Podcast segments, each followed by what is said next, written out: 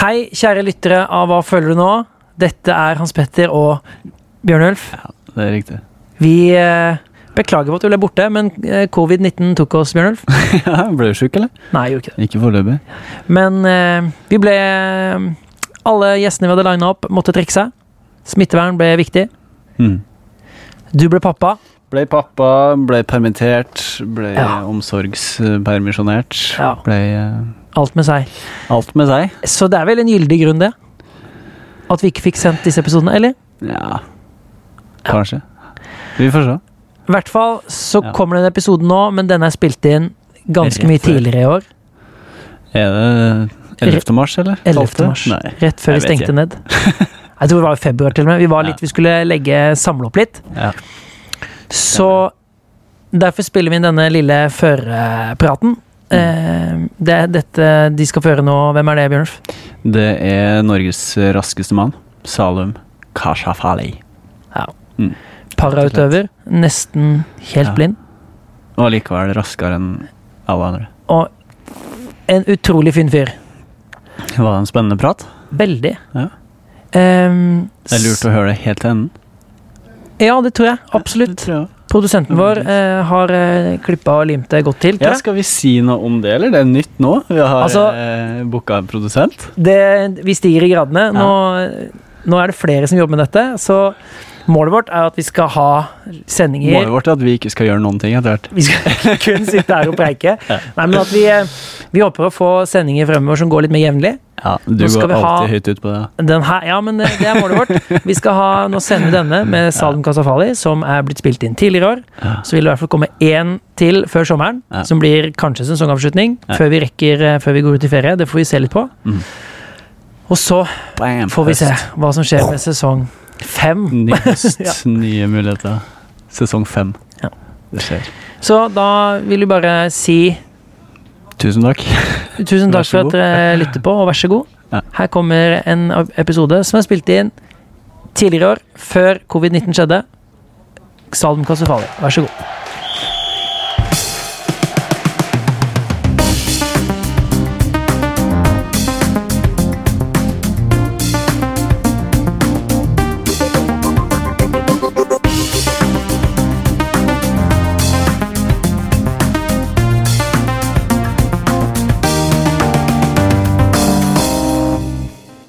Da ønsker vi hjertelig Det er så bra start sånn. Da ønsker vi Da, da, Hjertelig velkommen til en ny episode av Hva føler du nå? Hæ? Det er utrolig kjekt nok en gang, og jeg syns vi har fått en god start på året, Bjørnulf. Vi, har Nydelig hatt- start. vi har holdt oss uh, i friidrettsland. eh, kommer tilbake til det. Men uh, dette er en podkast fra Krik, og Hans Petter heter jeg, og du er Bjørnulf. Stemmer. Idrettspressen i Norge. Ja. Um, l har du det bra om dagen? Ja, Ja. har det bra. Driver og pusser opp Pusser av alt. Men jeg vet ikke om vi skal drive sånn oppussingsprat nå. Nei, det, For det er nok av. Ja. Eh, men vi, jeg har det veldig bra. Ja. Jeg har gledet meg veldig til i dag, for Mm. vi har en uh, verdensmester uh, med oss. Mhm. Vi har årets uh, mannlige parautøver med oss. Uh, og det er masse liksom, sånn meritter vi skal komme tilbake til. Men Salem Kas Kashafali Sier det en gang til. Salem Kashafali, velkommen til oss. Tusen takk, det stemmer. Norges raskeste mann, Det, det det stemmer, jeg liker, jeg liker det du sier. Ja, det synes jeg. Det er uh, utrolig kjekt at du ville komme. Jo, tusen takk. Gleden er all min. Kjempekjekt. Hvor, altså, hvordan er det å være så rask som du er? Dårlig spørsmål, men vi går rett på. Eh, hvordan jeg var så rask? Nei, Det er jo utrolig kult å vite at eh, man er rask av fører, og at man kan trene og bli en av de raskeste mann i Norge. Så det er veldig kult. For det er ingen som løper fra deg i Norge om dagen. Nei, Er det, dessverre. er det liksom For det er jo så konkret og enkelt at det er ingen som har mulighet til å ta deg igjen. Noen som, Har du liksom noen gang tenkt at nå kan jeg bare gjøre noe skikkelig gærent, og så kan jeg bare løpe, for det er ingen som klarer å ta meg igjen? Eh, på, på banen, ja, men, men i gaten, nei. Ikke med det synet jeg har. Nei, det er godt. Det er godt. Eh, hjertelig velkommen til oss, i hvert fall. Ja, det er you. veldig hyggelig å ha deg her. takk. Vi, vi må, vi skal, denne podkasten Salum, er, liksom, handler litt om idrett først, og så litt om liv, og så skal vi touche innom litt om tro til slutt. Em, og eh, rett på, fortell om din beste dag som sprinter. Min beste dag som sprinter var egentlig når jeg eh, ble egentlig tro lei Norges raskeste mann. Det var liksom min beste dag i mitt liv, for det er noe jeg har drømt om, og så er det noen jeg på en måte aldri trodde det kunne bli, og, og folk rundt meg har liksom trosset meg og tatt, sagt liksom at det er noe han aldri kommer til å oppnå. Ja. Og da blir liksom det beste automatisk da. da. Og da er vi, hvor er vi igjen da? Da er vi på NM Hamar. NM i Hamar. Ja. Du stiller i feltet, det er fullt trøkk. Ja. Det er mye folk som er på NM.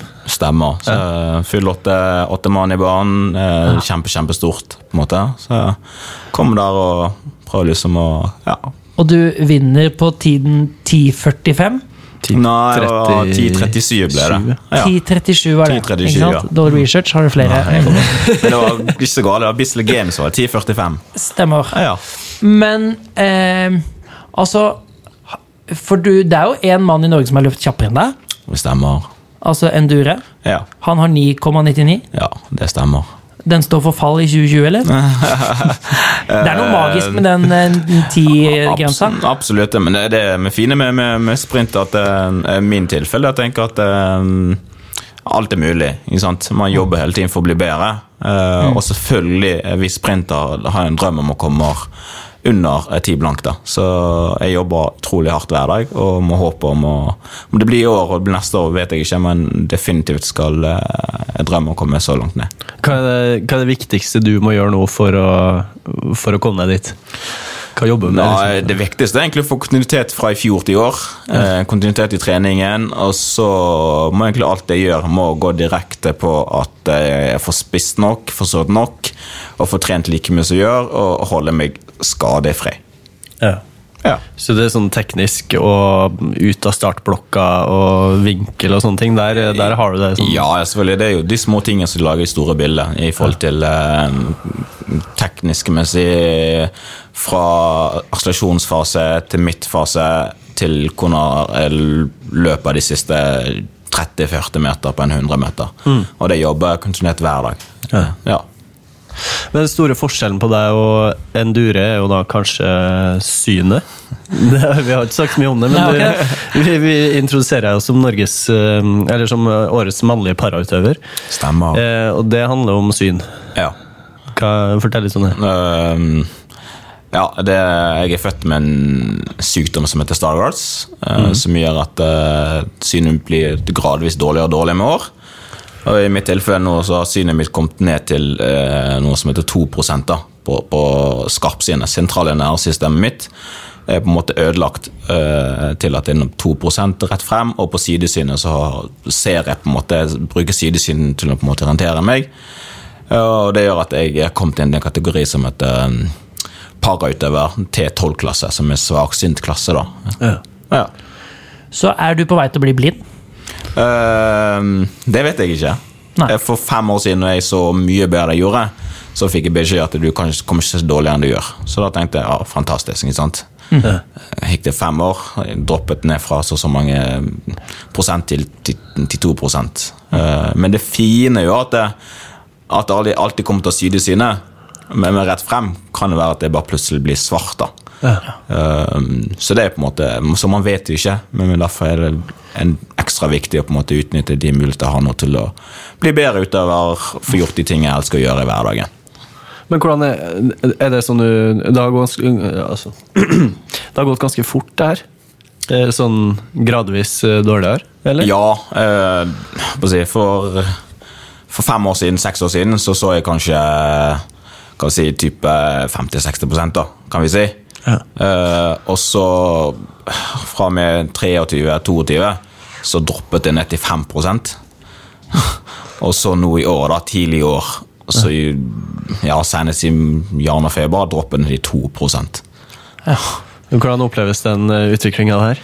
Ja, det, det er mye å, å det, Jeg vet ikke hva jeg skal forklare det. Det er veldig sånn Du går fra å, å se en person fra fem-seks meter om gangen til å, til å se de vinker, til å se de ser på deg.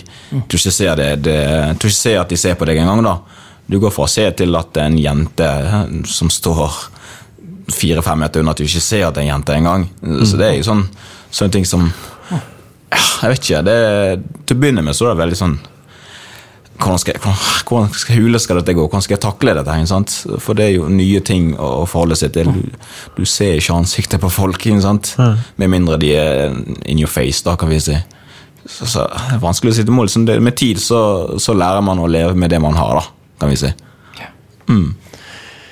Men eh, når du, du løper jo begge deler, altså du løper både para-konkurranser og funksjonsfrisk. Eh, og du vinner jo i Norge, i hvert fall, så vinner du begge.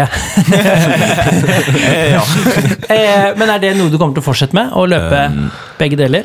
Ja, så lenge, jeg er, så lenge jeg er god nok til å løpe med funksjonsfriske, så kommer jeg til å gjøre det. Jeg er jo veldig heldig at det er en av de, en av de få folk i verden, da, tre-fire stykker i verden, som har muligheten til å uh, løpe i begge. For jeg er god nok til å løpe i både funksjonsklasse, funksjonsfriske og parklasse. Og så lenge jeg er god nok til å gjøre det, så kommer jeg definitivt til å gjøre det. For uh, ja, da får jeg oppleve begge verden. Og det er ikke så mange som gjør. For det er sånn at eh, for, Eller du, du gikk på en måte over i paraidretten nå i 2019. Stemmer. Er det et valg man tar? At nå Eh, jeg kunne i utgangspunktet blitt parautøver tidligere, men, men når jeg har løpt mot funksjonsfiske hele tiden, så har, så har jeg ikke vi gått til para, for jeg vil på en måte vise meg sjøl at eh, visjonen min er mye mer større enn mine begrensninger, selv om jeg er svaksynte. Hvis du skjønner. Til da i fjor tenker jeg ok, visjonen er faktisk det samme, men da vil jeg konkurrere i begge deler nå, på en måte. Hvis du skjønner hva jeg mener. At selv om jeg har, har liksom ligget topp tre, topp to i Norge hele tiden, med det synet jeg har. Uh, men når det ble synet ble så dårlig så dårlig og så ble jeg i fjor, så tenker jeg liksom da kan jeg utnytte av, av begge verden med samtidig samme mål, bare helt annen retning enn det var tidligere. Men eh, altså, når du løper jo Det er jo rett fram. Eh, men samtidig du skal jo orientere deg ganske mye. For det er jo, det er jo et smalt felt. Du kan ikke trykke på streken. Da blir du diska. Det stemmer. Eh, har det skjedd, eller? Eh, nei, ikke skjedd ennå. Eller nei. enda verre, klippe noen andre ned. det er enda verre. Ja. Det, nei, det, det, jeg gjør ganske gode forberedelser med, med, med, med mm, sånn som når synet blir så dårlig som gjør. Det jeg gjør dagen før, da. Jeg går rundt med en bane jeg skal løpe. eh, går frem og tilbake et par ganger. Går rundt.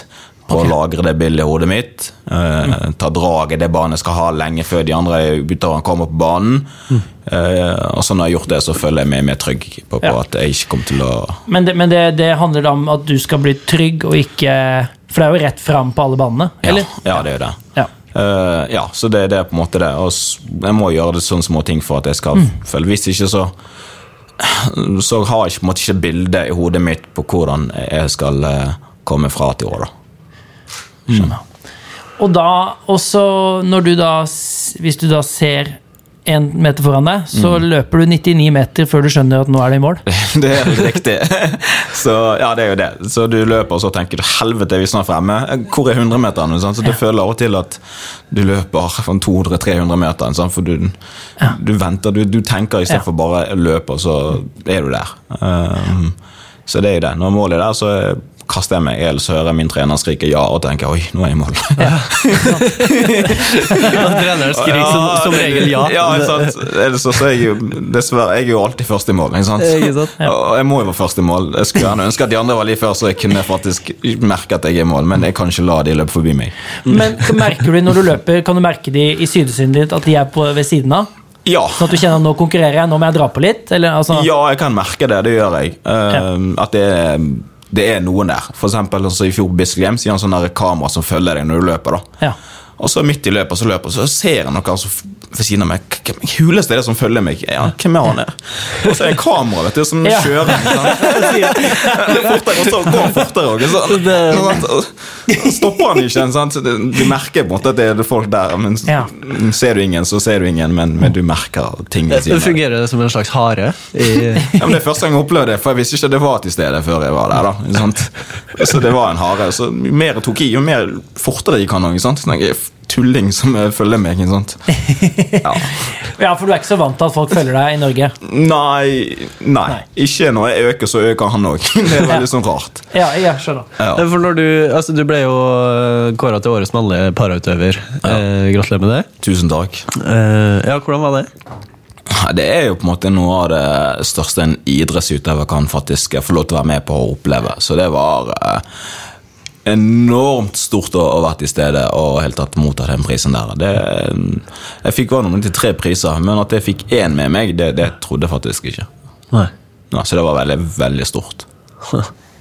Men det er, det er, eh, du beklager jo da til alle funksjonsfriske løpere i Norge som, som på en måte er nødt til å bli fraløpt av en svaksynt. svaksinta. Er eh, men er, er liksom eh, Får du noen reaksjoner, eller blir folk liksom snurt, på en måte? Nei, jeg tror nok til å begynne med så var det litt det. I og med at kanskje de ikke trodde at det så så dårlig som vi gjorde. da. Jeg tenkte han, han, han, han faker, eller han, han klarer ikke løpe så fort med så dårlig syn som, som han sier han har. det, De sier han da. Så det var litt sånn blanda følelse til å begynne med rundt folk omkring, men når de først eh, ja, merket faktisk at det så så dårlig, eller så papiret på at det sto 2 der, da, Ja. og da ja, tenkte jeg oi, jøss, ja. Um, ja. Jeg for tenkte deg at du, at du faka det for Ja, å få de- et fortrinn. eh. Ja, nå har jeg tenkt at han, han ser ikke så dårlig som han sier. Han ser dårlig, men ikke så dårlig. Og da liksom blanda følelser med, med, med mine konkurrenter og folk rundt meg, da, selvfølgelig. Um, men men nei, på idrettsrenn har jeg beklaget for at jeg løper fra de andre. Det var bare mer humoristiske ting å gjøre. Um, og det var jo for å vise folk at selv om man det var litt bartanke, man kødder med det. For å si at selv om man har en eh, begrensning, så kan man fortsatt på fullt linje eh, konkurrere og slå de funksjonsfriske. Men hvordan er det du merka på en måte mistenksomheten? Nei, det er jo folk som Jeg snakker liksom litt rundt da, til andre kompiser, og så kommer det til meg. ikke sant? Ah, ja. Uh, nei, jeg tror ikke han er så dårlig. Ikke sant? Eh, det er bare styr rundt han, og så videre. og Så, videre. så det var sånn mange som driver og sier rundt, da. Ja, eh, Men så skjønner de vet at jeg er dårlig, for de ser jo på at jeg går forbi de uten å si hei.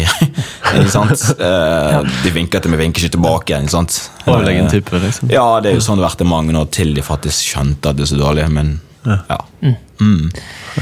Em, altså um, Fins det eh, en sånn en brilletype som oss som ser fint, kan få et inntrykk av hva du eh, Hva du lever med?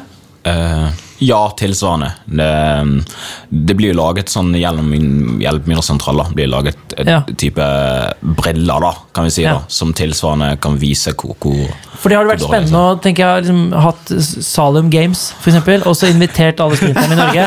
Og så latt de løpe med sånne Og sett hvordan de hadde det var, det var en sykt bra idé. Det det, gjøre. det skal jeg faktisk ta med meg, ikke tull engang. Ja, altså, vi, vi kommer og dekker det. Vi kan være kommentatorer og sånn, og så gjør vi en greie ut av det. Ja, men Det har ikke jeg tenkt på. Men det skal Det vært kjempegøy. ja. Nei, men det var kult Se å se for deg åtte sprintere bare løper sånn kryss og tvers. Mens du løper da selvfølgelig rett Ja, fram. ja, ja. God klang òg. Salem Games. Salem Games, det, det må du gjøre. Nei, men det var, Takk for ideen. Det skal jeg Ja. ta videre til eh, Den, klubben min. Det kommer ikke billig, men nei, det er så Nei. kult, da. Men, du, du, ja, du snakker jo om, eh, om på en måte forskjellen på syn og visjon. Det er sånn at du, du har en større visjon. Hva er det som ligger i det? Nei, jeg, jeg sa jo noe på Idrettsgallaen så på en måte jeg lever i hver dag, eh, selv når jeg var ung, eh, hvor jeg kommer fra. Det er at det, det verste som kan skje en person i livet, ikke at de er født blind, da. ikke er født svaksynt, ikke er født med funksjonsutfordring, da. ikke født fattig, eller ikke født med, men det verste som kan skje, er at personen som er født helt frisk, uten visjon. Uten visjon til å utnytte det potensialet det har til å komme i arbeid. Visjon til å ta vare på helsen sin. Visjon til å komme i arbeid, visjon til å oppfylle det de er ment for å gjøre i denne verden vi lever i. da. Det er på en måte det verste. Du er helt 100 med, men har på en måte ikke visjon om hvor du skal i livet. Hvor du vil være, hva du ønsker, hva du tenker. Det er på en måte det verste. Og når vi, og der må jeg si et par av de har motivert meg i forhold til at de på en måte tenker å bruke det de har, og så det de ikke har, det eksisterer ikke for de.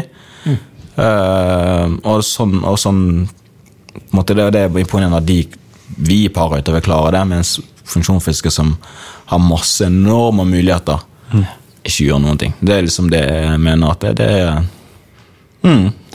Kan du tenke da at det er en del funksjonsfriske som er litt late? Jeg vil ikke si late, men uh, det, de er mer verdt enn de de, det vil si, de, de begrenser seg sjøl for det de kan være. Eh, alle har en funksjon i livet, uansett hvor, hvordan de, hvor de kommer fra, hvordan de ser ut osv. Så, videre, så, videre. så alle har et sted Juni er én, verse er sang. Mm. Alle har en sang, alle har plass å spille, tenker jeg. Ja, altså det er, det er mye motivasjon i det der. Um, men eh, litt sånn tilbake til deg som toppidrettsutøver. og Vi har jo noen unge lyttere som eh, ønsker å bli toppidrettsutøvere, helt sikkert. Eller håper vi i hvert fall. eh, at de har lyst til å høre på oss. Eh, og da, hvor, mye, hvor mange timer i året legger du ned i hard trening? Um, jeg trener ganske mye. Det er mange ikke vet. Det er et et godt spørsmål jeg liker, for det er noen spørsmål jeg ikke får. Ja.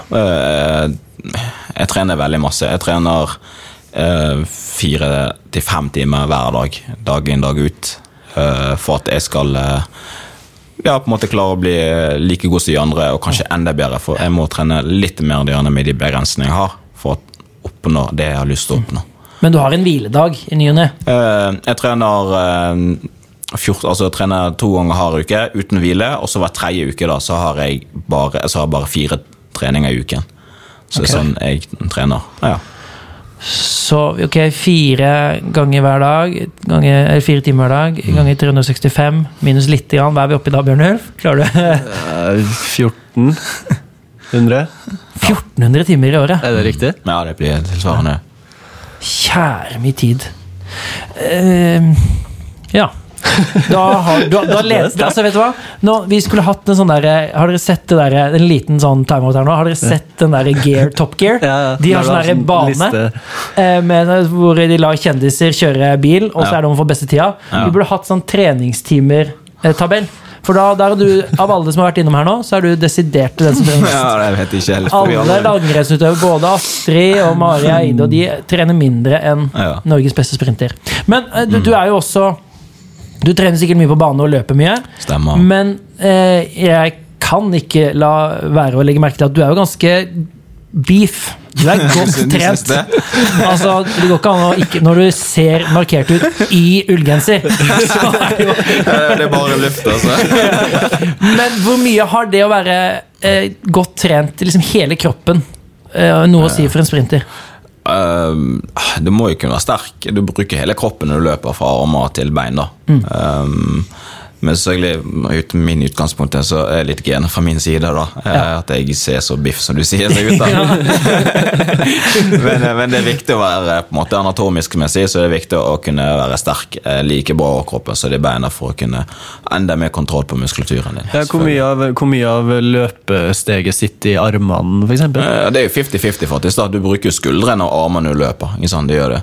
Men jeg skal ikke være like stor. Altså, må tenke det, Jeg skal ha samme, samme bil med større motor. Ja. Kan du bare tenke deg, ikke sant? Eh, Jeg skal bli sterkere på alle måter, hele kroppen, men ikke gå opp i vekt. Og da må jeg bruke hele kroppen, eh, fra magestabilisering i magen til hoftene, hamstring, ja, armene, skuldrene. Ja, Så du trener liksom biceps styrke? Ja, sånn- det får ikke lov, da. Jeg, kjenner, jeg trener li, li, sånn litt i skjul når jeg trener men ikke til stede. Men, faktisk var lite grann, men, men ellers så, så har jeg ikke lov. Ja, fordi det bygger unødvendig vekt? Ja, For min del. Jeg, jeg så vokste veldig fort opp og ned, og det å ha store biceps er bare mer å dra på. Ja. Så jeg skal ha mest mulig trent, men samme vekt. Um, du har en trener. Ja, Eh, Herman Hordvik. ja stemmer. Hvor lenge har han fulgt deg? Uh, han har fulgt meg opp siden jeg var 17 for det var da jeg begynte på friidrett. Ja. Jeg begynte som 17-åring, jeg begynte litt sent, så han har vært med meg hele veien frem til nå. For det er ganske seint å begynne som 17-åring. Ja. ja, jeg skulle ikke bli sprinter, jeg skulle bli fotballspiller. Det Ja. var som det. Han skulle bli ja, jeg skulle bli Messi, Ronaldo, Nisa Alum. Ikke sant? Ja. Men så til jeg ikke kunne se noe på banen lenger. Fikk ikke med ballen.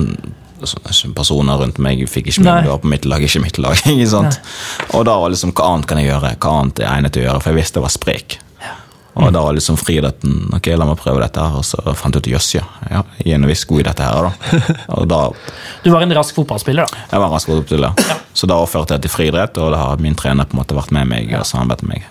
For det da må dere jobbe ganske tett, dere to. Ja. Eh, en- Snakker sammen hver dag.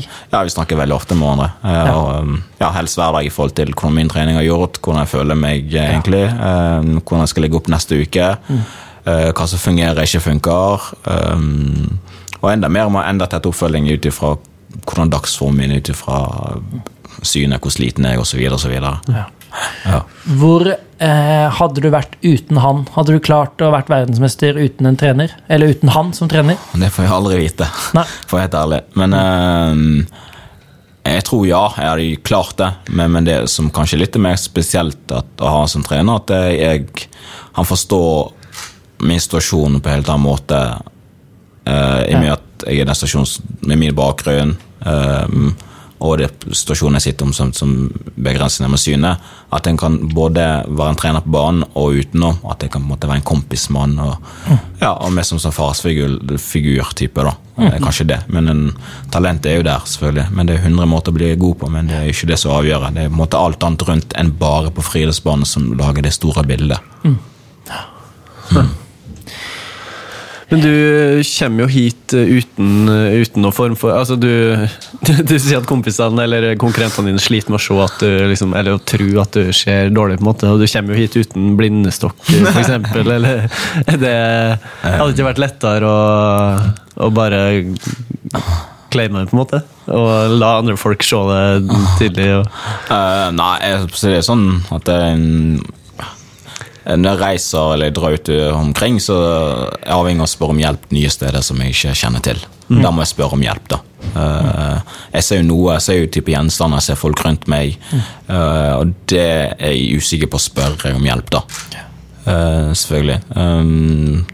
Så det er på en måte sånn hverdagen min går. At avhengig av å spørre litt folk rundt omkring på, på ting jeg er usikker på. Sånn at jeg i dag, hvis ikke jeg hadde møtt opp i dag, så hadde jeg ikke kom frem her. Da måtte jeg spørre hver enkelt person på hvordan jeg komme frem. her. Så i og med at det er sidesynet, så kan jeg orientere meg. Og så ser jeg nok på fremsiden til å vite at det, ja, det, det her jeg skal ikke her, og, og dette er nytt. Jeg vet ikke hvor jeg skal nå. Mm. Så, Men Salum, du eh, kommer fra Kongo. Ja. Eh, du kom fra Kongo som kvoteflyktning i 2003. ja. Um, hvorfor kom du til Norge? Ja, på siden, jeg, som sa at jeg kom til Norge som kvoteflyktning. Jeg kom fra en liten by som heter Goma i Kongo. da. Mm. der hvor jeg ja, var først som gjorde at jeg måtte flykte til å begynne med. I 2000 måtte jeg flykte først fra en vulkanutbrudd. Som, eh, ja, er- det er byen der, da. Så måtte jeg flykte. Jeg bodde i en flyktningleir i et år, så måtte jeg flytte tilbake til Kongo. Da Mm. Da, bodde, da flyktet vi til Rwanda og var der et år. eh, for da er vi, vi er helt øst i Kongo. Ja, det er Goma det stedet. Helt på Ja. grensa til Roma. Ja, det er helt riktig. Geografisk Ja, det var, det var faktisk. Det var, ble mektig imponert. Ja. Det er helt riktig. Så da var jeg på flukt i mange, mange dager eh, sant? for å komme vekk. Kom tilbake etter et år, alt var vekke. Brent av. Stone, sant? steiner. Ja, så bodde jeg som mottak, da. Eh, bodde der vel eh, i et år, kanskje. Men bare ta det først Da Da kommer du tilbake til liksom det som har vært eh, hjemme og huset ditt, Ja. med, med hele familien. Ja. Dere er åtte søsken. Ja. Eh, Da, har vi, da, da vi seks søsken. Seks søsken. Ja. Og så er bare huset helt bort. Ja, alt er borte. Det er alt blir på en måte brent bort, da. Hele landsbyen. Ja, Mesteparten av det, ikke hele. Hvordan er Altså, det? av, av, av vulkanutbruddet? Ja, Så alt var på en måte borte, da. Ja, Både en god stund, og så bryter, bryter borgerkrig, da. Og Vikt på natten, altså så går kuler, bomber løs. da. Kommer så, så må jeg flykte igjen. da. Og da er på flukt i på si, en par uker, faktisk. Um, og den gangen så flykter vi gjennom uh, gjennom Tabota. Det er et sted eh, som heter Bukavu, og derfra drar vi til et sted som heter Uvira igjen. Um, og så Tanzania, langt langt inn i landsbyen. Ble kjørt en Unicef-bil. Mm. Store lastebil, og da ble vi lastet inn og skulle kjørt i trygghet langt langt inn i bushen. Og da var vi vel en god, ja, en, nesten et år før vi måtte da fikk vite at vi skulle komme til Norge. Og det var noe av det største vi noensinne har. Ja, at, Hvordan foregår det? Nei, vi er kvoteflyger med flere hundre tusen folk. ikke sant? Eh, og så er det på intervjuer uh, på, i forhold til eh, om vi kan dra tilbake, ikke dra tilbake, er det noe å dra tilbake til, ikke dra tilbake til. ikke sant? Eh, Og i vårt tilfelle så var det ingen som dra tilbake til. Nei. Og da selvfølgelig ønsker vi å komme oss eh, et sted der hvor vi vet at det er veldig trygt. da. Og så er det en prosess med intervjuer, og vi Ble du intervjua, eller var det det- Vi ble litt intervjuet, men det gikk mest i Foreldrene. foreldrene, og de eldste søsknene mine. da. Ja, og så forteller jeg på en måte historien som har skjedd, og det vi har mistet. Og så, ja, så venter man, da. Um, ja, om vi skal til nytt land eller vi skal bli der mange år. For vi kom der, så er det mange som har vært der i flere år. Som har flyttet ned fra en ny borgerkrig. Er dette sånn, er det en teltleir, eller er det Ja, det blir både teltleir og folk som har bygget små hus. Ja. For de har bodd der så mange år, da. Um, ja, og så venter vi, og så plutselig kommer, kommer en ny beskjed. Uh, en beskjed at eh, om to måneder så skal dere reise til et land som heter Norge. Hadde du hørt om Norge da, Ah, eller? never. Norge. Men jeg var glad for vi visste det var Europa, og det var trygt. Ja. Så jeg var hysterisk. Det burde ikke hvor det var så lenge vi visste det var trygt. Ja. Ja, og så kommer vi da til en, en fly til Norge. Jeg har aldri sittet i fly før. Jeg Sitter og skjelver, vet du. Ja, jeg tenker Vi skal dø på veien, tenker jeg. Så kommer vi frem da, vi visste, men så kommer vi frem til et sted som heter Vadsø. da. Vadsø? Ja, Ja, ikke sant? helt oppe i nord. Aldri sett snø. Kom i shorts. ikke sant? Så, kom i shorts og små singleter. Og, nei, ja, det var liksom det første møtet med Norge. da. Dette var hva er dette for noe hvitt greier. Det var så kaldt. De nektet å gå ut av flyet, men etter en time så ble jeg båret ut. da. ja. Ja, hvordan, eh, hvordan var mottagelsen i Norge? Nei, det var litt kult- kultursjokk, da. I forhold til at akkurat der oppe da, så var det sånn type Folk er ikke så sosiale. Det var liksom alle var for seg sjøl i husene sine og leilighetene sine. Der hvor jeg kommer fra, så er alle, alle one big family. Alle snakker med naboene sine. Alle ute som var sosiale, sitter ute, leker ute. Og det var liksom Det var litt trist å begynne med. Men så venner vi seg til at det er greit. Det, dette som kommer til å bli resten av livet vårt. Vi må finne ut hvordan vi skal integrere oss, sosialisere oss, for på å komme, til, komme inn på, på nordmenn. da. Og så går det seg til med språk og alt, og så blir det litt, litt lettere og lettere. For da er det inn i skole og sånt da, som blir første steget, kanskje? Stemmer. Så var skole Hvor lenge var dere i Vadsø? var det et år. Ja. Ja, litt over et år. Og så trivdes ikke. Det var liksom litt for kaldt der oppe for oss. Det var litt kaldt, eh, lite miljø. Ja. Men så valgte dere Bergen? Eller altså, det er jo litt mye regn der. Ikke, ikke direkte. Indirekte. indirekte. Altså, min far eh, begynte å studere. Eh, Han kom til Norge da, med utdanning da, som lege, men kunne ikke bli lege, for han måtte begynne på nytt igjen syv år. Og da fikk han utdanning som sykepleier. da. Mm. Og da var det som Bergen da han fikk plass. da. Og da begynte han å ja, begynte han å studere, og da måtte vi komme over etter en liten stund. Ja. Mm. Bergen der er litt mer utadvendt og Ja, det er litt mer. Det er det. Men eh, så måtte jeg begynne å lære oss eh, nytt språk, da. Bergen. Bergen-dialekten. Ja, men det var det. Du går fra å snakke æ, meg og da til eg, meg og deg. Ikke sant? Så det var liksom det Du, du får ikke lært nok eh, nordlandsk før skal ha nytt dialekt. Så det var liksom litt dramatisk for, for oss, da. Men, men, eh, men heldig for oss er var jeg veldig veldig aktiv. Jeg likte å spille fotball, jeg likte å være ute med venner. Og det hjalp meg på en måte å Ja, Hvor mye har idretten betydd i en sånn uh, sammenheng? Idretten betyr jo enormt mye generelt sett. Idretten er på en måte et sted hvor folk kan snakke samme språk. Uansett, Uavhengig av alder, kjønn og utfordringer, funksjonsnedsettelse. Der alle kan møte og, på en måte snakke samme språk og være sosiale. Og i min tilfelle så har det betydd mye med at jeg eh, har kunnet kommet lettere inn eh, med, med lettere inn i det sosiale med å kunne eh, spille fotball og være aktiv med de andre. Så det absolutt. Hvis du har kunnet eh, Det blir jo veldig hypotetisk, da. Men eh, der du nå er i livet, og du har jo vært gjennom en del eh, tøffe tak og runder. Eh, møtt på mye kulturer, mange kultursjokk, sikkert mye, mye greier. Hvis du kunne ha valgt mellom der du nå sitter, og, og beholdt eh, Kongo som barndommens Kongo før vulkanutbrudd og, og borgerkrig? Eh, nei, jeg har selvfølgelig valgt det nå. Jeg hadde ikke forandret det alt jeg har opplevd gjennom, men jeg hadde valgt dette her, på en måte. Eh, på grunn av at eh, jeg kommer fra veldig Jeg har lite, men likevel har mye. Eh, veldig, veldig fattig strøk. Lite. Eh, men der hvor vi har Vi har det vi har, og så har vi tro da som får oss gjennom hverdagen. Um, Og så er det sånn at alt jeg er med på å oppleve, er på en måte Det er på en måte en, en learner. They må you learn, they må you earn. Det er med på å bygge det som person. Så hvis jeg ikke har opplevd alt opplevd det gjennom livet mitt, så hadde jeg ikke sittet her med dere som jeg gjør i dag. Det har jeg ikke. Så um, Hva er det viktigste du har tatt med deg? Eller sånn? Vi vil starte med eh, i livet. Det er egentlig uh, uh, takknemlighet eh, og awareness. Awareness uh, Hva heter det på norsk? Hjelp meg. Hæ?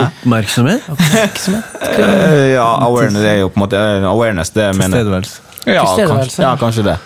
Du kan på en måte, og det jeg mener, men at det, når du først sitter i en situasjon da, der du sitter låst, du kan ikke forandre en situasjon før du er klar over hva som faktisk skjer med deg og rundt deg.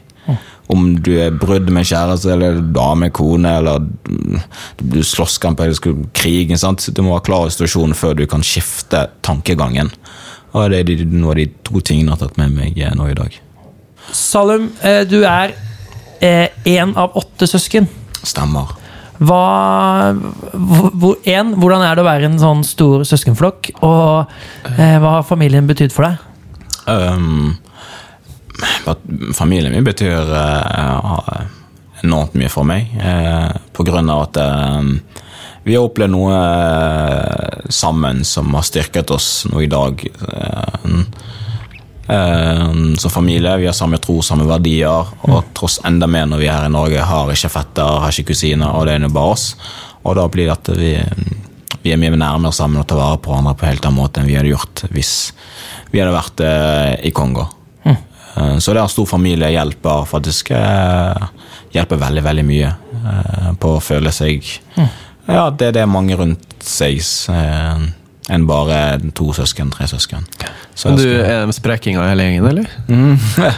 Eh, ja, de er nå spreke, men, men det har med jeg, De synger, og noen danser. Ja. Men, men det er ingen andre som har lyst til å gjøre trene like hardt for å oppnå så det jeg har oppnådd. Da. Så det er forskjellige, liksom, forskjellige interesser og hvor det har lyst til å være. Men det er en felles ting, og vi er alle sammen i familie, at det, alle skal få seg utdanning. Ja. Eh, alle skal få seg utdanning, alle skal jobbe. Eh, og det er noe alle, alle har klart å holde på med. Så, så familien er egentlig en, en, en prinomen. Jeg må snakke med, med de uh, ukentlige hver, uh, hverdager. Og de følger, følger rundt omkring på konkurranser? Ja, de er med og støtter. Mine søsken fløy helt til Dubai for å se med løpe VM. De har spart opp eh, De har jobbet hele sommer, spart opp alle studiepengene sine for å bli med der for å se meg løpe. Så mye betyr det. Så mye støtter de meg, da. Eh, Så det var vilt. De har brukt flere flere titall tusen, jobbet hver dag i minutt og studiepenger for å få dette til. da. Eh, og nå senest i forgårs spurte henne ja, når i Tokyo vi må begynne å se hvor vi kan hente vakter og, og her med.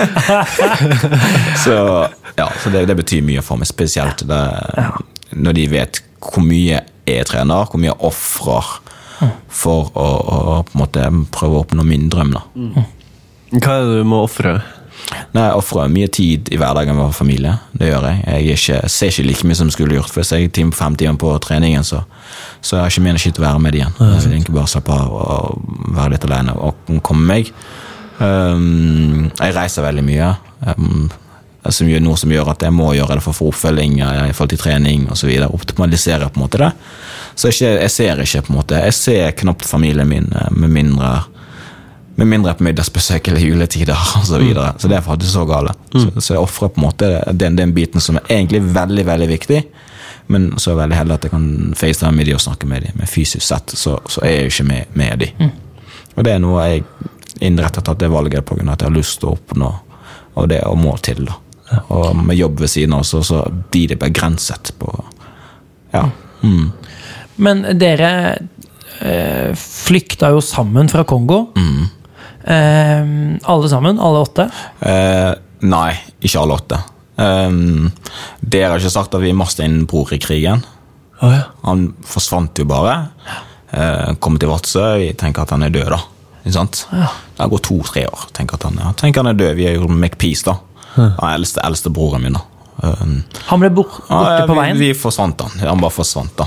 Og jeg tenker jøss, ja, ja, forferdelig trist. Ikke sant? Ja, hvordan var det? Nei, det, det, det, var, det var fælt, altså. Det, det var Vi, vi gråt flere uker og, mistet han av. Sant? Uh, og så, så går det fem år når jeg kommer til Norge og finner ut av får en melding på Facebook. Eh, Det er meg. Ja. Det er meg. Ikke sant? Han har klart å finne oss opp, da. Wow. Jeg har vært i flyktningsleir i Malawi i mange år. Med fetterne og ja, med to av fetterne, da. Eh, veldig spesielt. Uh, det, var, det var liksom Jeg husker min far og min mor brøt av glede, da. For at han levde igjen. Og Så da- han har du møtt nå? Han har ikke møtt, han er fortsatt i flyktningleir. Han. Han har vært over 15 år. Oh ja, så han får ikke lov å komme til dere? Det er prosess. Han og og 200 fetter, og de er der. Og du har vært der i mange mange år. Så det er det mange Men du ringt han innimellom og Jeg forringte han og sendte en WhatsApp voice message. ja? Eh, Så vi har dialog på det. Så det Ja. Så vi er syv stykker, da. Eh, Syv i Norge og én i flyktningleir Ja. i Kongo. I Malawi. I Malawi. Så ja, så det er, det, det er liksom det hele historien. Og Egentlig så var vi ni år, da. Men så døde han ene rett før jeg kom til Norge. Den yngste broren min. Det- To måneder før jeg kom til Norge. Han var syk og lå på sykehus. Og, ja. Mm, så vi har egentlig hatt flere. Men det er sånn som skjer underveis. Sant? Gud gir, Gud tar. Universet har sine ja, mm, sine si, magiske ting som skjer. Og vi bare sørger å innrette oss til det positive, det som kommer. Som jeg sa i sted, yesterday is, is history, but tomorrow is, is a mystery. Ja, sant. ja. Og så nevnte du også troa, troen di. Um, uh, fordi du, når du Jeg la merke til når vi satt og så på denne Når du løp i mål i VM, ja. så tar du nesten tak i kameraet, og så sier du God is everything! Eller var det det du sa? Jo. Ja, God is the only way. God is the only way. ja, stemmer. Um, hva betyr troa for deg? Åh, tror eh, betyr eh, Det betyr veldig mye. Det, det er på en måte det eneste It's not everything, but it's the only thing, kan vi si. Ja. Eh, På grunn av eh, det er noe som jeg er oppvokst med, oppvokst med, eh, med tanke på at du må takke for det du har, takke han som har gitt deg livet, takke takket du har, og ikke tenke på det du ikke har. Eh, Og, når, og det er liksom det at For eksempel når jeg flytter fra krigen, og det å kunne takke Gud for at du lever, ikke at hvorfor dette skjer med meg, at han får det gjennom det, og det er på en måte en trygghet som har fått meg og familie til å på en måte overleve, komme gjennom alt det vi har vært gjennom. Ja, så det han er på en måte han som har, har trygghet. Du kan løpe til deg og føle det bra allikevel. Da. Og takke han for alt det du har, og det du ikke har, det, ikke, ja, det treng, tenker man ikke på. Men for, eh, for folk som ikke har noe forhold til, til tro, da, eller til Gud, liksom, hvem er, hvem er Gud for deg? Eller hva tror du på? Jeg tror Gud Fader, Gud Sønn og Hellig Ånd. Jeg tror på Gud, eh, starten på alt. og Gud skapte meg, eh, skapte oss. Eh, Han er på en måte veien, sannhet og livet. Um, ja, så det er på en måte han jeg tror på. Han som har gitt oss liv. eh, Pusten frivillig til å vite hva som er rett og galt. Eh, ber du? Ja, jeg ber. Mm. Ber du, er du sånn, kan du be om å gjøre det bra på Eh, idrettsbanen? Eller? Jeg ber eh, om velsignelse. Det gjør jeg. Jeg ber ikke å gjøre det bra. Jeg eh, kan ikke be om å gjøre det bra, for jeg må hjelpe meg sjøl på treningen før Gud eller andre kan hjelpe meg. Så jeg egentlig ber om velsignelse, for jeg vet jeg har gjort arbeidet som skal til. Og når jeg er ferdig, så takker jeg han. Om jeg vinner, så takker jeg han. Om jeg taper, så takker jeg han, for jeg vet at han har større planer for meg enn enn det seier jeg hadde den dagen der. Er det tungt å takke han når du har tapt? Nei. Nei. Det er det ikke. Eh, Hvorfor? For det er For en tredjeplass, fjerdeplass, femteplass i en finale er en plass som alle personer hadde ønsket å være i. Og så kommer jeg der og er pissed og lei meg for at jeg ikke fikk førsteplass. Det blir litt for dumt. Når en person skulle ønske var den finalen jeg er i. Men opplever du å være i et på en måte, forhold til Gud, altså en relasjon i det daglige? Uh, ikke hver dag, eh, det skal være ærlig å si. Jeg skal ikke så lyge. Det er noen dager hvor jeg på en måte glemmer meg bort. Eh, det gjør jeg. Eh, og da er det ekstra godt å på en måte kunne gå tilbake og be om liksom, tilgivelse og nærhet osv. Uh, men, men han er sentral eh, Han er en sentral ting av, min hverdag, på en måte. At det, Gud er, den, er til stede hele tiden for meg. Ja. Mm. Tviler du noen gang? Ja, men det er lov å tvile. Vi er mennesker. Vi må tvile for å kunne Vi tviler for vi, vi har nysgjerrighet. Vi kan ikke lære noe hvis ikke vi har nysgjerrigheten. sant? Eh, Så jeg har tvilt på at Gud eksisterer, ja. Ehm, Men så men ikke tvile uten at det finnes svar sjøl. Du kan ikke bare si at 'jeg tror ikke på han', men må lese deg opp til noe som du føler ok, dette er mer rettet mot at noe jeg tror på, osv. Så, videre, og så, videre. så det forholdet til meg og Gud, det er på en måte mm, Det er mitt forhold til han. Det, det er meg og han har ingenting med alle andre rundt meg å gjøre. Om jeg går i kirken må be eller ikke, dette det er bare dette er mellom meg og han. da. Hvordan jeg håndterer det. Syns du det er utfordrende å være kristen idrettsutøver? Ikke for meg. Nei. For det faller meg naturlig, tross for alt jeg har opplevd. Det er akkurat derfor jeg føler meg veldig naturlig å gjøre det. Eh, men jeg vet at det er mange som har slitt med det tidligere. Sier at jeg, jeg slitt med å være kristen jeg, og, og takke Gud foran kamera osv. Jeg skal jo si navnet, men det er mange kristne som ikke tør å komme frem. Men, men jeg som er kommet der oppe, da, eh, har en fin mulighet til å vise at jeg er her på grunn av, på grunn han. Men du, du snakker jo mye om takknemlighet. Det er jo altså Det tenker jeg når vi alle sammen har eh, Der har vi noe å strekke oss etter, alle sammen. Men, eh, men du er jo i en situasjon der man kunne ha tenkt at bitterhet var en vel så naturlig vei å gå, da. Der du, du har på en måte fysikken, du har alt klart til å kunne bli kanskje verdens beste på uansett eh, klasse, da. Og så får du en en sykdom lagt i genmaterialet. Det er liksom en slags skaperverksgreie. Eh, hvordan, hvordan er det i møte med Gud? Um, uh, jeg tror for først ting skjer ikke mot oss, det skjer for oss. Hvis det makes sense. Jeg mener at ehm, når jeg har fått det jeg har fått, at jeg har fått det sykdommen jeg har fått, da, det er jo altså, La meg skru tilbake. Gud, altså, Gud eller universet kan ikke gi deg utfordring som du ikke kan takle. Det tror jeg ikke. Eh, Det kan du velge å se på stasjonen som utgjør deg som personen. Det hadde vært feil hvis alle var like, så like bra eller hadde samme uten. Det hadde vært veldig feil, syns jeg. da. Men, men hvordan du velger å utnytte de mulighetene du får, og ser positivt på det, som, eh, ja, eh, som gjør at jeg på en måte takker Gud da, på grunn av at eh, jeg vet ikke om andre har situasjon jeg gir på samme måte som jeg. Av mine søsken, dette er på en måte en genetisk ting av hvor eh, det ligger i mine begge foreldre eh, og mine foreldre bærer på dette. De har truffet andre, så bærer jeg på dette. Sannsynligheten for det er veldig lite, og sannsynligheten er veldig lite på at- jeg skal få det, for jeg er eneste som har det i min familie. Og jeg tror at det blir gitt av meg, ikke Gud gitt meg, men det skjer meg av at jeg er den som kan takle det på en bedre måte enn de andre kan gjort det. Uh, absolutt. Og så må jeg på en måte uh, snu meg og tenke liksom at uh, jeg har bare et liv. Ikke sant? Det er just one life, og jeg må snu til det positive på hvordan jeg skal klare å leve med dette på best mulig måte. Som jeg sa igjen, Det er en som ligger i sykehuset og holder på å dø. Skulle gjerne ønske at de ikke hadde syn, men bare kunne leve igjen og gå. Eh, så jeg må på en måte være positiv overfor meg sjøl og for universet og for folk rundt meg for at jeg skal ha et bedre liv. For dette er noe som er over min makt, på en måte.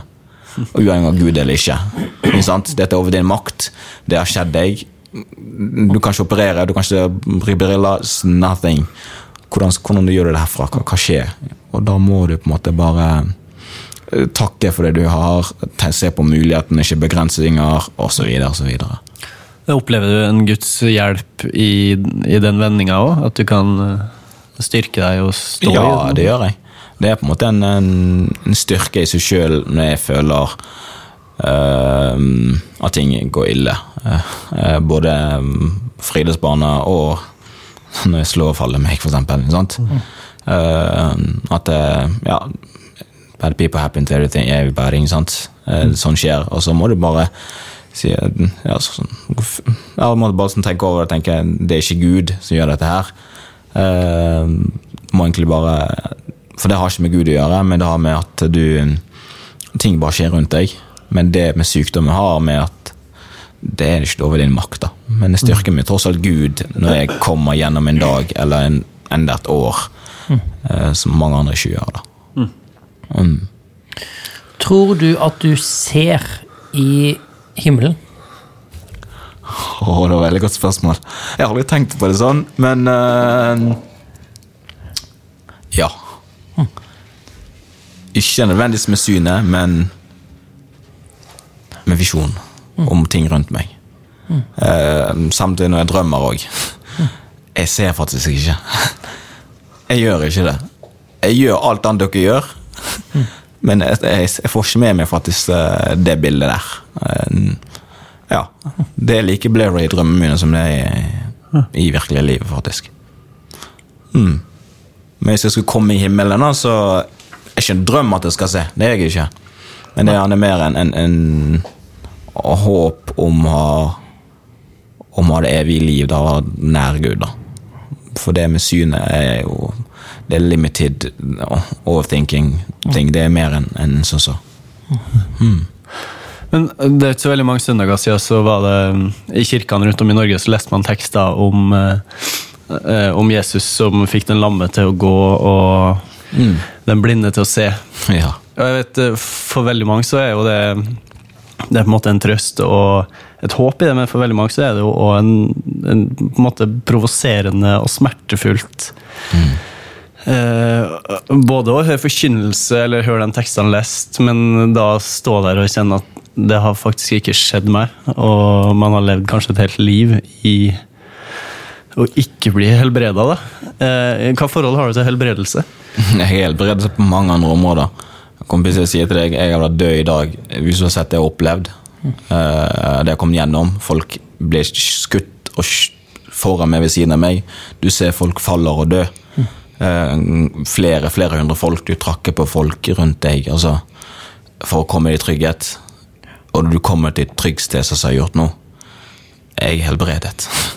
Hvis du skjønner. Eh, og hvis jeg ikke har opplevd det, så vet jeg ikke om jeg hadde tenkt på en annen måte. Med, men hvorfor skal jeg da klage, da, når jeg på en måte kommer Altså, jeg har vunnet million til å komme til Norge. Jeg har et liv som aldri drømte eller så for meg. Aldri i mitt villeste fantasi skulle se for meg at jeg skulle ha samme muligheten som alle andre rundt meg til å gå på skole, til å ha klær, til å kunne kjøpe mat, til å ha tak over meg. Altså, det er jo en, bare det er en drøm, ikke sant? Eh, Og så skal jeg da klage på at Gud ikke har vært snill og god mot meg. Mm. Bare for at jeg har fått en begrensning? Nei, selv, selv da så er det ikke en begrensning. Eh, Så hvis Gud kom til meg og sier at så lurer meg, jeg kan helbrede deg og si Gud, nei, du har gjort mer enn nok for meg. Jeg, jeg ser. Jeg ser, jeg, sier han. Jeg ser ikke 100 men jeg ser. Du har gitt meg visjon. Du, du, jeg ser ting på en måte som ingen andre ser. Så da har jeg sagt nei. Og hvis folk har kommet til meg og bedt for meg, da, eh, i kirken, når jeg går i kirken, og du skal se igjen Men da sitter jeg der og faktisk er ærlig med dere, at det, siden de sitter og ber for meg, så trosser jeg det bønnen der. Det har alle sagt til noen før. Og det sitter og trosser det bønnen de sitter og ber om. Jeg sier ikke til dem. For den tenker jeg de gjør deg en tjeneste, da. Ja. Men de gjør jo ikke det. For jeg, jeg, det er ikke synd i meg. Uh, egentlig, det er jo ikke det, for jeg klarer alt annet de gjør, bare litt lengre tid. Ikke? Så det er liksom det. Er liksom det. Eh, jeg tror ikke hvis, Jeg tror ikke jeg hadde vært den samme personen eh, hvis jeg hadde hatt full syn. Det tror jeg ikke. Salum, eh, tusen takk for at du ville komme og dele din idrett og ditt liv og din tro. Mm. Eh, dette har vært eh, inspirerende på mange måter. Mm. Og så må du ha Altså, neste mål er OL i Tokyo. Stemmer. Du er storfavoritt. Eh, pro, hvilken eh, odds vil du gi deg selv eh, for gull? OL-gull? Eh, jeg gir meg 2020. La oss se, tilbake tiden. Jeg gir meg veldig høyt odds på medalje. Ja. Eh, gull er selvfølgelig veldig, veldig veldig innafor. Eh, Ja. Men det er masse som skjer før det. Eh, hvis alle kunne bestille gullmedalje på forhånd, så hadde de gjort det. Ja. så jeg vet, men jeg skal Det hadde ikke vært like gøy, da. da det hadde bare, ikke det. Bestilt den. Det er det, så, men jeg vet hvis jeg kommer til finalen Mm. Jeg tenker ikke på gullet nå, men jeg vet hvis jeg kommer til finalen, så er det gullet mitt. Du, hva må du prestere før OL? Er det noe delmål på veien? Ja, jeg har EM for parautøver tidlig i juni i Polen. Mm. Og så har jeg selvfølgelig Bisley Games, som blir awesome, der hvor vi skal lage en paraheat med de beste parasprinterne i verden, uansett funksjon. etter siste. Mm. Så det blir awesome. Og så har vi NM i Bergen, da. Sant, Eh, på som skal forsvare tilten min på hjemmebanen, så det blir på en måte stort for meg å, å Ja, å gjøre det. eh, Og så er det på en måte Paralympics som er på en måte langsiktig største mål som, som en, ja, en utøver kan drømme om. da. Så må du finne et eller annet sted vi kan legge inn, legge inn Salum Games. Med, altså, tenk på Bislett Games, da, hvis du eh, får eh, han Steinar Hoen til å sette på briller på Det hadde vært kjempe... Ja, nei, det var sant. Hvis jeg eh, vinner OL, Ja. og økonomien er litt på plass Ja. det kan jeg love at det er noe jeg eh, vurderer Ja. veldig veldig sterkt. Faktisk og komme på å se hvilken verden jeg lever i når jeg løper. ja. Nei, det hadde vært kjempekult. Men i hvert fall tusen takk for at du ville komme. Og så eh, Du skal selvfølgelig få en takk for at eh, du stilte opp, og det er en eh, krikkgenser. Og så må alle dere som har lytta på, ha tusen takk for at dere lytter. Og så kjekt at dere hører på oss, rett og slett. Velkommen tilbake. Velkommen tilbake. Ny episode kommer før du venter det. Mm. Ha det godt. Ha det